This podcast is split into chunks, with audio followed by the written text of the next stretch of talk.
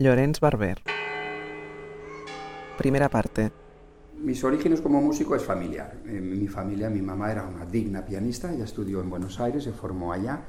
Mi papá era maestro y sabía la, la música que los maestros de los años 30 sabían. Y en mi casa eh, te levantabas y tropezabas con un instrumento. Todos crecimos con, con, los instrumentos en la mano y el centro era, era más que la guitarra que también, o más que el acordeón que también, era el piano.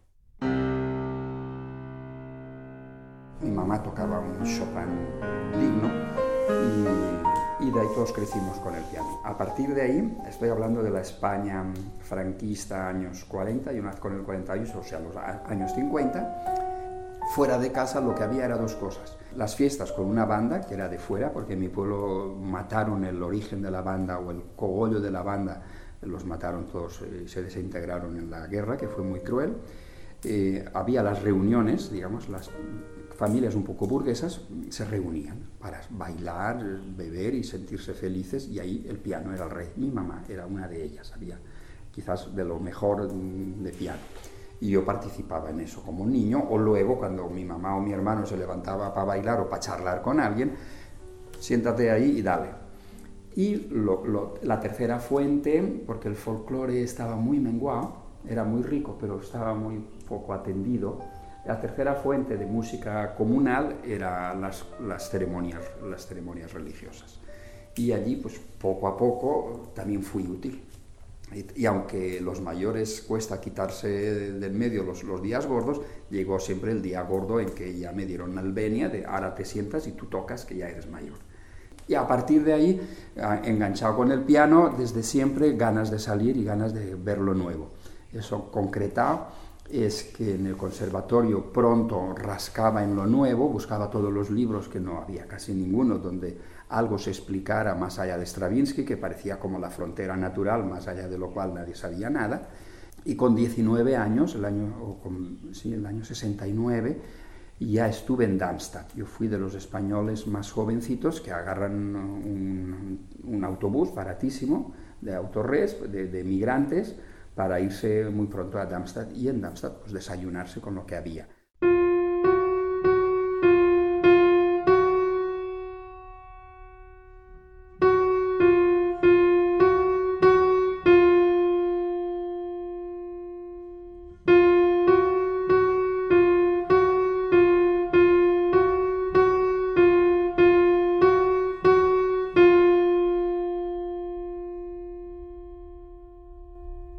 Demás, como yo vivía en Valencia, lo conocía todo por referencias eh, de periódicos. Me leía el IA de la Iglesia, el ABC y la Vanguardia siempre que podía y tenía amigos por todos los sitios que me recortaban las noticias. Con lo cual, en mi adolescencia yo sabía de la música nueva sin haberla oído, porque la radio no, me llegaba tanto. Eh, sin embargo, era enciclopédico. Claro, cuando tienes 13, 15, 17 años y una ansia de lo nuevo, pues te lo imaginas.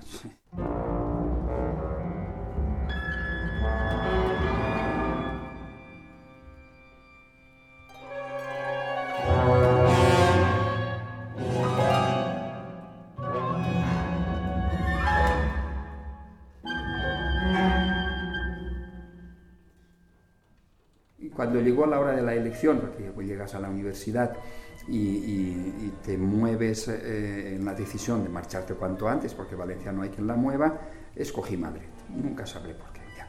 Sí que es verdad que antes de irme, en el año 70, tengo un bonito encuentro casual en una librería, es el Silence the Cage. Y me lo trago mal, porque mi inglés era, todavía lo sabrá malo, en el año 70, pobre de mí, pero bueno, me agarré un diccionario y empecé a rascar porque sabía que ahí había más de lo que yo había vivido en Darmstadt. He is probably the most controversial figure in the musical world today, and when you hear his performance, if you will forgive me, you will understand why. Now, Mr. Cage, I know that you teach a course in experimental sound at the new school. Experimental music. Experimental music. Yes. Uh, will you tell us quite seriously whether or not you consider what we're about to hear music? No tongue in Well, cheek, but serious. No, perfectly seriously, I consider music the uh, production of sound. And since in the piece which you will hear I produce sounds, I would call it music. You will call it music, all right? Y, mm, ese fue un encuentro, pero también en el mismo año 70, eh, eh, Tomás Llorens mm, tuvo la suerte de traer a Zaja a la Escuela de Arquitectura a que hicieran un recital. Y eso fue una revelación también. Ahora el español Juan Hidalgo nos va a obsequiar con música enguantada. Este buen cepillado a las cuerdas es ya casi una sinfonía.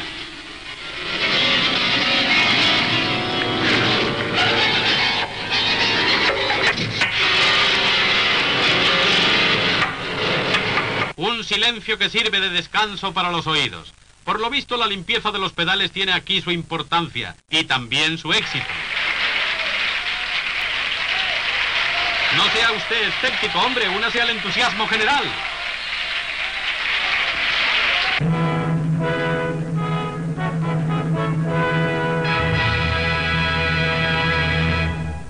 Apenas llegar a Madrid, busco enseguida a Juan Hidalgo, le pido clases, él se sonríe zen y me dijo que sí, me dijo que no. Digo, mira, te voy a enseñar algo que se parecerá a las clases y no te quiero cobrar nada porque esto no se cobra, esto se vive. Y, enseguida, a partir de ahí, pronto vino el 72. Yo novato en Madrid, me dejé los exámenes a medias y las clases a medias y me fui a los encuentros de Pamplona, que para mí era un poco la prolongación de Darmstadt, pero traído aquí, con la posibilidad además de encontrarme con John Cage en vivo, un, un Zag esplendoroso, como el más bonito Zag que fue allí, en el encuentro de Pamplona, en el Teatro Gallarre, ya con Esther Ferrer, que en Valencia no, no estuvo. Todo el conceptual cruzado y toda la, intelectualidad española dividida frente a un problema acuciante. La muerte del dictador ya se acerca y hay que tomar posición. Partido Comunista, sobre todo Partido Comunista Catalán, PSUC, dice, se acabó, no hay que participar, esto es una fiesta de la burguesía, ahí no va nadie. Se coló alguno que no quiso enterarse, pero no fue nadie de Cataluña o casi nadie más la ETA naciente con sus amenazas que al final se concretaron en varias bombas. Un cráter en la calzada de unos 8 metros de diámetro por 4 de fondo y graves daños en los edificios colindantes provocó el potente explosivo colocado por los terroristas. Y aquello fue una fiesta, pero una fiesta trágica. Eh, allí discutíamos a muerte, allí nos pegábamos, allí para entrar y para salir de cualquier acto estaba todo lleno de grises, Aquello era duro, duro como lo fue todo el franquismo residual. Yo no hablo tan festivamente. Digo que fue importante y fue, digamos, el grito final de una generación, no la muerte de la vanguardia, como todo el mundo se empeña en decir. No, no murió la vanguardia, murió la vanguardia que proponía una generación. Después quedamos un montón de gente, en ese momento menos activos o menos visibles, pero continuamos todos los años 70. al año siguiente nacía, nacía Actum en Valencia. Yo ya estaba en Madrid, pero mis compas y, y mi entorno era valenciano e inventé un grupo de la nada.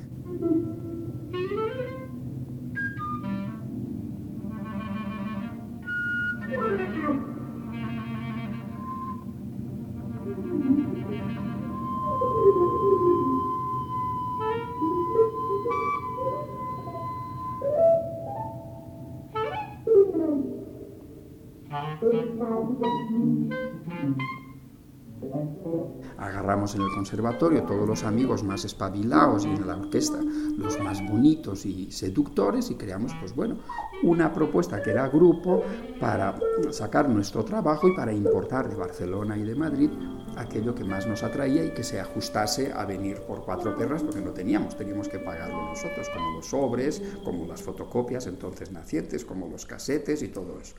Pero fue un grupo, el grupo Actum, con un nivel reflexivo y con un nivel sobre todo ya autogestionario, que, creamos nuestra propia editorial. Bueno, pues dijimos, Actum es editorial, pues ya hicimos un sello y nos convertimos en editorial. No fuimos a ninguna ventanilla y un sello distintivo, es que a cada concierto que dábamos invitábamos al público.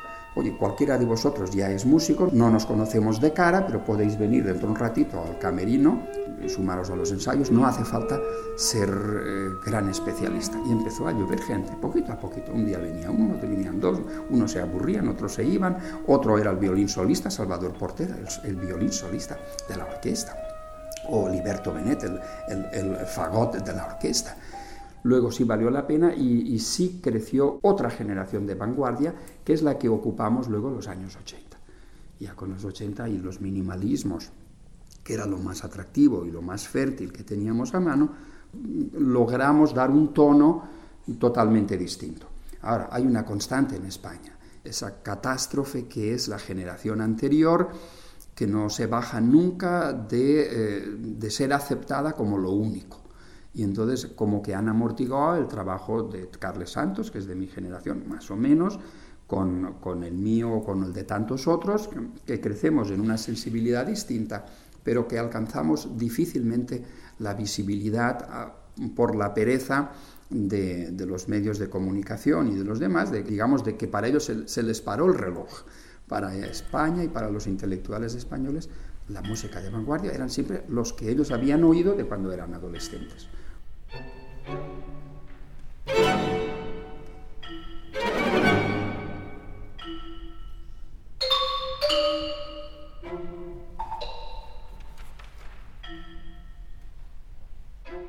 Yo en el 76 pues paso un mes, 15 días, dos semanas por Londres, pero muy ricos, porque de repente me encontré con el pop inglés, el que ahora diríamos es que encarnó años más tarde Michael Nyman, Hobbes, Gavin Bryars y con él Hugh Davis, que será mi amigo, y con muchos más, me encuentro en Londres con, por ejemplo, The London Musicians Collective, que es un colectivo de improvisadores de free y que también me revuelven todo. Y qué cojonudo, yo lo que quiero es ser free, y yo lo que soy es free, y yo donde me encuentro a gusto es también con ellos.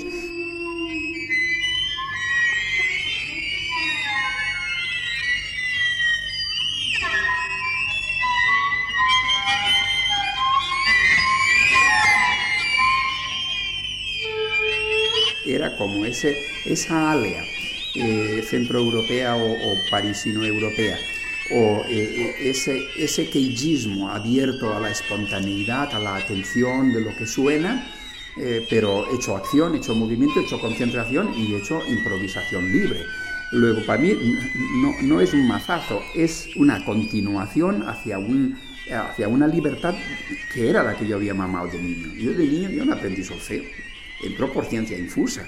Y yo tocaba a todas horas, todo, sin partitura, cualquier cosa en mi casa, en los bailes o en la iglesia. Yo me sentaba en el armonio y a mí no me decía que tenías que tocar, yo ponía los dedos allá y podía estar horas y horas disfrutando tocando. Ahora, el punto de no retorno, el punto, digamos, de certificación de que, de que eso puede, puede ir más y puede tal, fue Londres, fue este encuentro con el London Musicians Collective. Y eso sí coronaba esos, esos folletitos que yo había ido coleccionando, eh, traducidos por la Ricordi de Buenos Aires, sobre los primeros capítulos del Murray Schaeffer, que será luego su Tunic of the World. Y el Tunic of the World llegó a Londres mientras yo estaba allí. El, libro todos conocemos, donde él resume y reúne todos sus artículos y, les da forma de libro a su maravillosa teoría de que el cosmos es, es plan Pitágoras, es nuestro, es nuestro instrumento, pues justo llega a Londres cuando yo estoy allí con mis pitos y con mis pájaros y mis coches. Y, claro, naturalmente voy corriendo a comprarme el libro cuando lo vi a, un, a alguno de los barbudos amigos. Y ya me vine con la teoría, con la praxis, con la ilusión y con el coronamiento de 20 años de, andar uh, husmeando en los bordes. Y en esos bordes donde entra Ligeti, donde entra Kagel, donde entra, donde entra qué sé yo, Busotti, el gran ero, eh, erótico, y donde entra Zag, y donde entran todos los fluxos, donde entra todo el cage imaginable, pero que adquiere ya potencia con ese último estrato, Murray Schaeffer. Y entonces creo el taller de música mundana.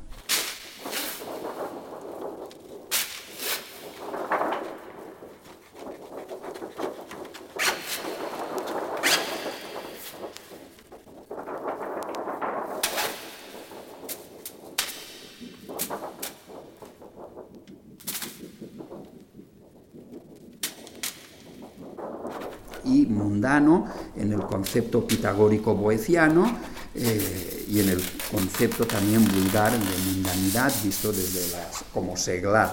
En Actum aceptábamos a todos, como luego me enteré que hacían la, la Symphony de, Inglaterra o la Scratch Orquesta de Cornelius Cardew y todos ellos sin saber. Pero ahora tomo otra decisión. Voy a crear mi grupo, pero no quiero a ningún músico de, conservatorio.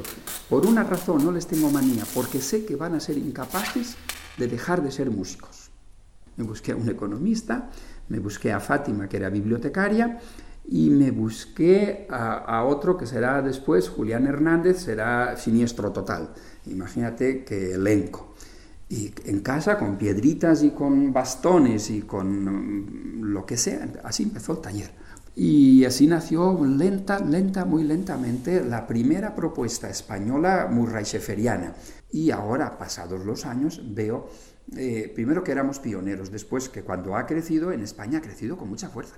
Y eso la gente no lo sabe, pero ahora yo, digo ahora que conozco más amigos míos, biólogos músicos, por lo tanto muy sheferianos, que músicos académicos. A nadie le ha dado la gana pensar que en España, junto a las músicas, digamos, ya hipostasiadas, como ellos continúan diciendo, contemporáneas, han existido otras cosas y otras propuestas. Y en los 80 vivimos un montoncito de gente que empieza a crecer en serio, aparte de ellos, y con un ideal, digamos, también humanista de, convertirnos en red afable, de no vender, sino de practicar el, intercambio, algo que, había existido siempre, con Fluxus lo tiene, el, mail art lo tiene, y nosotros lo chupamos de una manera natural, por ejemplo, Zag, mm, mm, cuando yo me tropiezo en el año 70 con Zag, lo primero que hace Juan Hidalgo es pedirme la dirección y no me lo dice, pero a los dos días me llega un sobre lleno de sorpresas. ¡Zag! Yo lloré de emoción, de la seriedad, de la atención, de la vecindad, de la cercanía, de la confianza y del tesoro que me regalaba. E, eso lo hemos practicado en los años 80 todos. Y hemos regalado y continuamos regalando frente a las otras cosas que querían ser industria y querían con la industria exportar y querían importar y querían grandes ministerios para hacer bluff. Nada.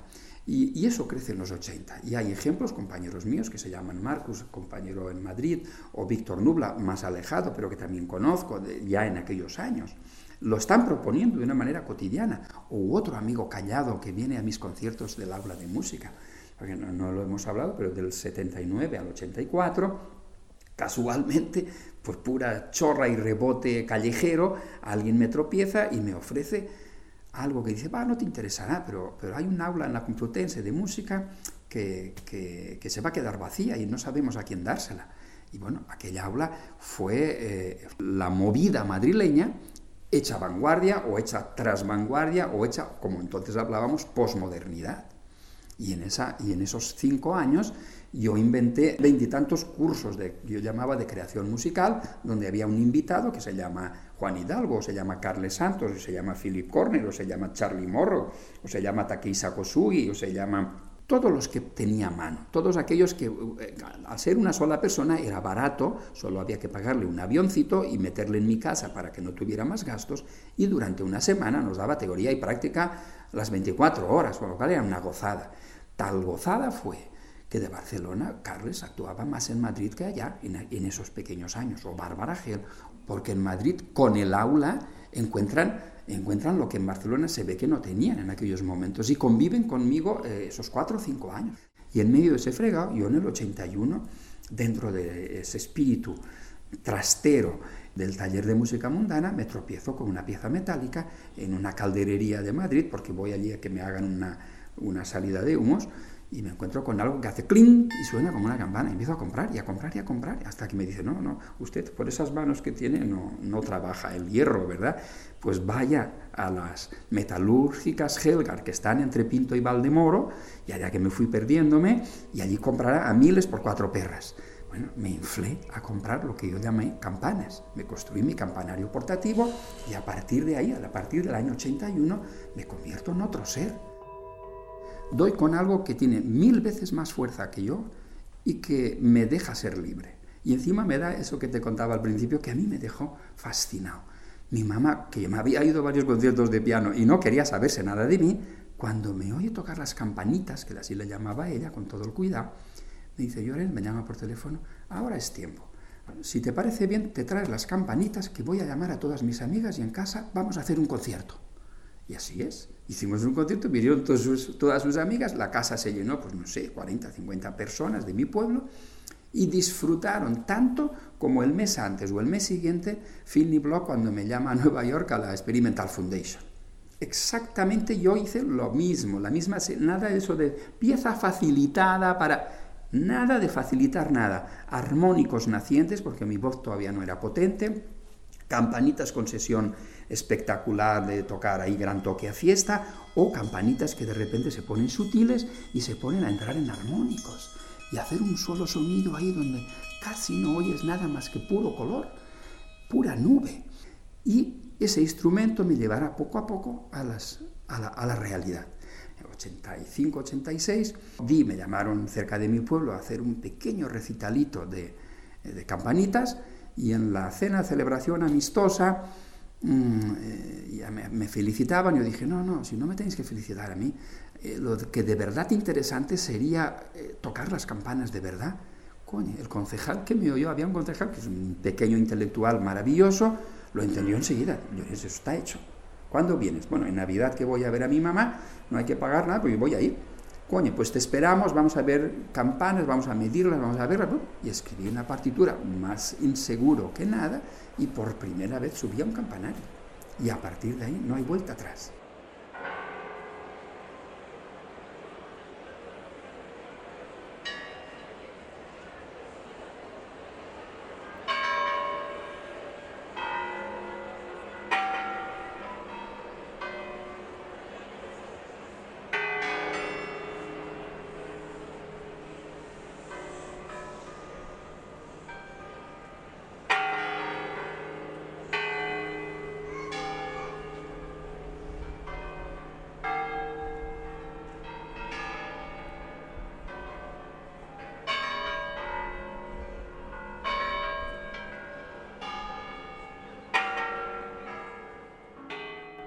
Sobre todo con sus conciertos de campanas, lo que pretende Llorens no es eh, mostrarnos lo inteligente o lo astuto que es eh, construyendo sinfonías para campanas. Rubén López Cano, profesor de musicología en SMUC. Lo que pretende es propiciar un encuentro de fuerzas y redes sociales que produzcan cosas dentro de la ciudad. ¿no? Llorens logra poner de acuerdo instituciones civiles, religiosas, policías, eh, de vecinos, de músicos, para que sean ellos mismos los que toquen los puntos sonoros de su propia ciudad y que sean ellos mismos que, que produzcan una especie de catarsis ¿eh? en el entramado social, paralizando la vida normal y cotidiana eh, del espacio social por un par de horas y atreviéndose a vivirla de manera estética.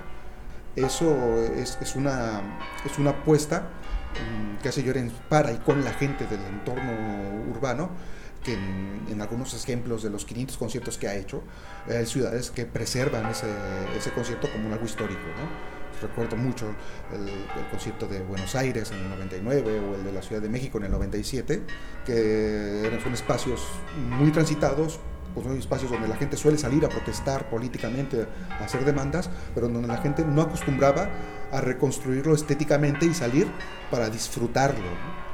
Y muchos argentinos eh, recuerdan, eh, muchos bonaerenses y habitantes de la Ciudad de México recuerdan ese concierto como un punto de no retorno o un parteaguas dentro de la vida urbana. La ciudad es mi casa. Yo ya no necesito del auditorio, ni casi del solfeo, ni de no sé qué. Otra cosa es que lo tengo. Si lo tengo, lo utilizo. Y hago unas partituras más panchas que Pierre Boulez. Yo no dejo de ser valenciano, aunque no quiera y aunque no me guste en algunos aspectos, y no dejo de haber crecido en un ambiente de fiestas y en un ambiente donde la banda de pueblo era la alegría sónica máxima que durante el año yo percibía. Eso y las ceremonias religiosas con mucho incienso. Bueno, pues con las campanas todo eso ancestral vuelve a ocupar un lugar X para, para bandearse con él, a ver qué es. Eh, ¿Por qué la campana está entre cielo y tierra? ¿De qué me habla? ¿Qué memorias me trae? ¿Qué ancestros me mete? Madre de Dios. Entonces la campana para mí son tantas cosas como eso.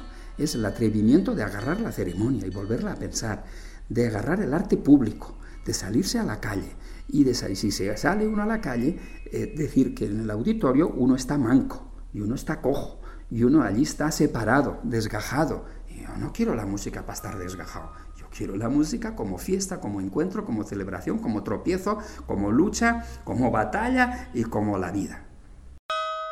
Llorens Barber es uno de los artistas más interesantes de la escena experimental española por varias razones. Por el tipo de propuestas, por la implicación del público en sus propuestas y algo muy interesante es que también eh, es productor de un discurso de reflexión filosófica, estética sobre su música y la música de otros que es en ocasiones un poco extraño. Una gran cantidad de artistas que, que trabajan en el ámbito de la experimentación trabajan con medios electrónicos o con medios tecnológicos muy avanzados y su discurso se agota en el hardware o el software.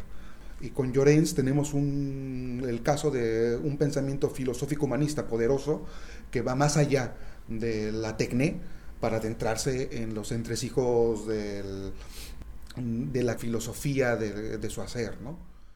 Vamos a trabajar Vamos a trabajar la plaza, la calle, vamos a trabajar lo vulgar, vamos a trabajar lo cotidiano. Coño, pues lo ha dicho Fluxus, lo han dicho todos. Y el urinario de, del Duchamp, y, lo ha dicho Boyce, en su universidad esa y su partido hasta que muere.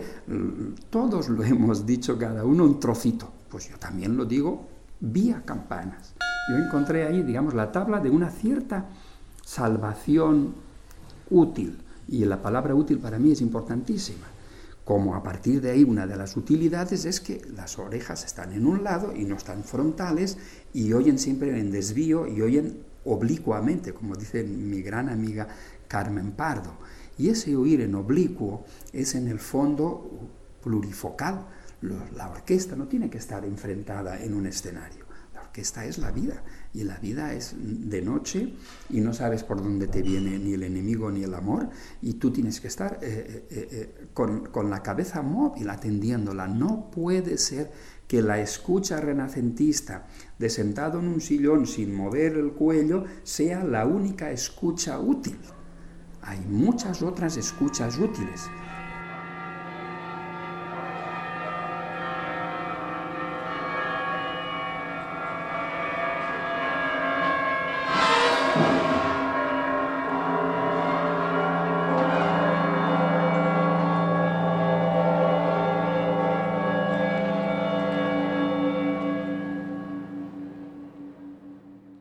Escuchas posibles. Y ahí entra la escucha acusmática, la escucha móvil, la escucha en bicicleta, la escucha en globo, la escucha en lo que te dé la gana. Y las campanas de lo que nos hablan también es de que la vida es así. Entonces la orquesta no está amontonada. Yo cuando me encuentro en una ciudad no agarro los campanarios y digo, no, que me los amontonen, que los vamos a organizar. Aquí el más grave, allá el más no sé qué. No. Esa es la realidad, eso es lo que hay y a partir de ahí sálvese quien pueda.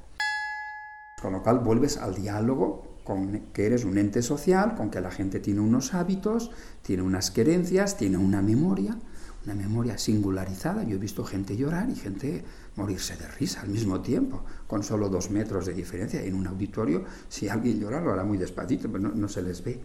Yo lo he visto, porque su memoria le juega una, una mala eh, eh, eh, audición totalmente singularizada no es la mía ni es la del vecino, es la suya. Y esa es su composición.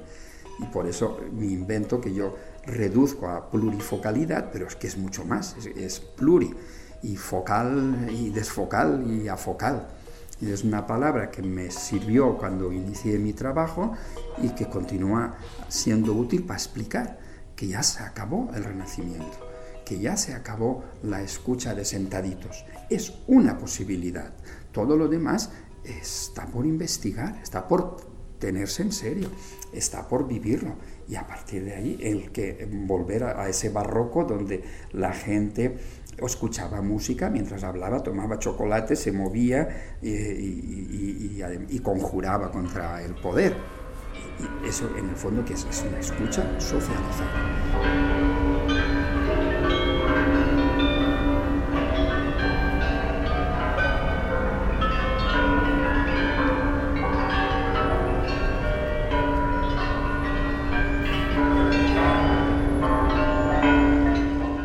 Creo que no voy a ir mucho más lejos. Creo sinceramente que yo ya he llegado, digamos, a ser un póstumo de mí mismo. Yo ya me morí eh, como creador así visionario y lo demás, y lo que haré será, un, o lo que estoy haciendo, es un manierismo de sutilezas y de mejoras y de cuatro detallitos. Y siempre haremos cosas que valdrá la pena, si no, no lo hago y que valgan la pena desde el punto de vista ya no intelectual, sino desde el punto de vista, digamos, comunitario, social, que es mi terreno. Yo ahí es donde me... Lo demás no me interesa nada. Ser un músico abstracto, genialmente inventor de formas y chorradas de esas, no me interesa.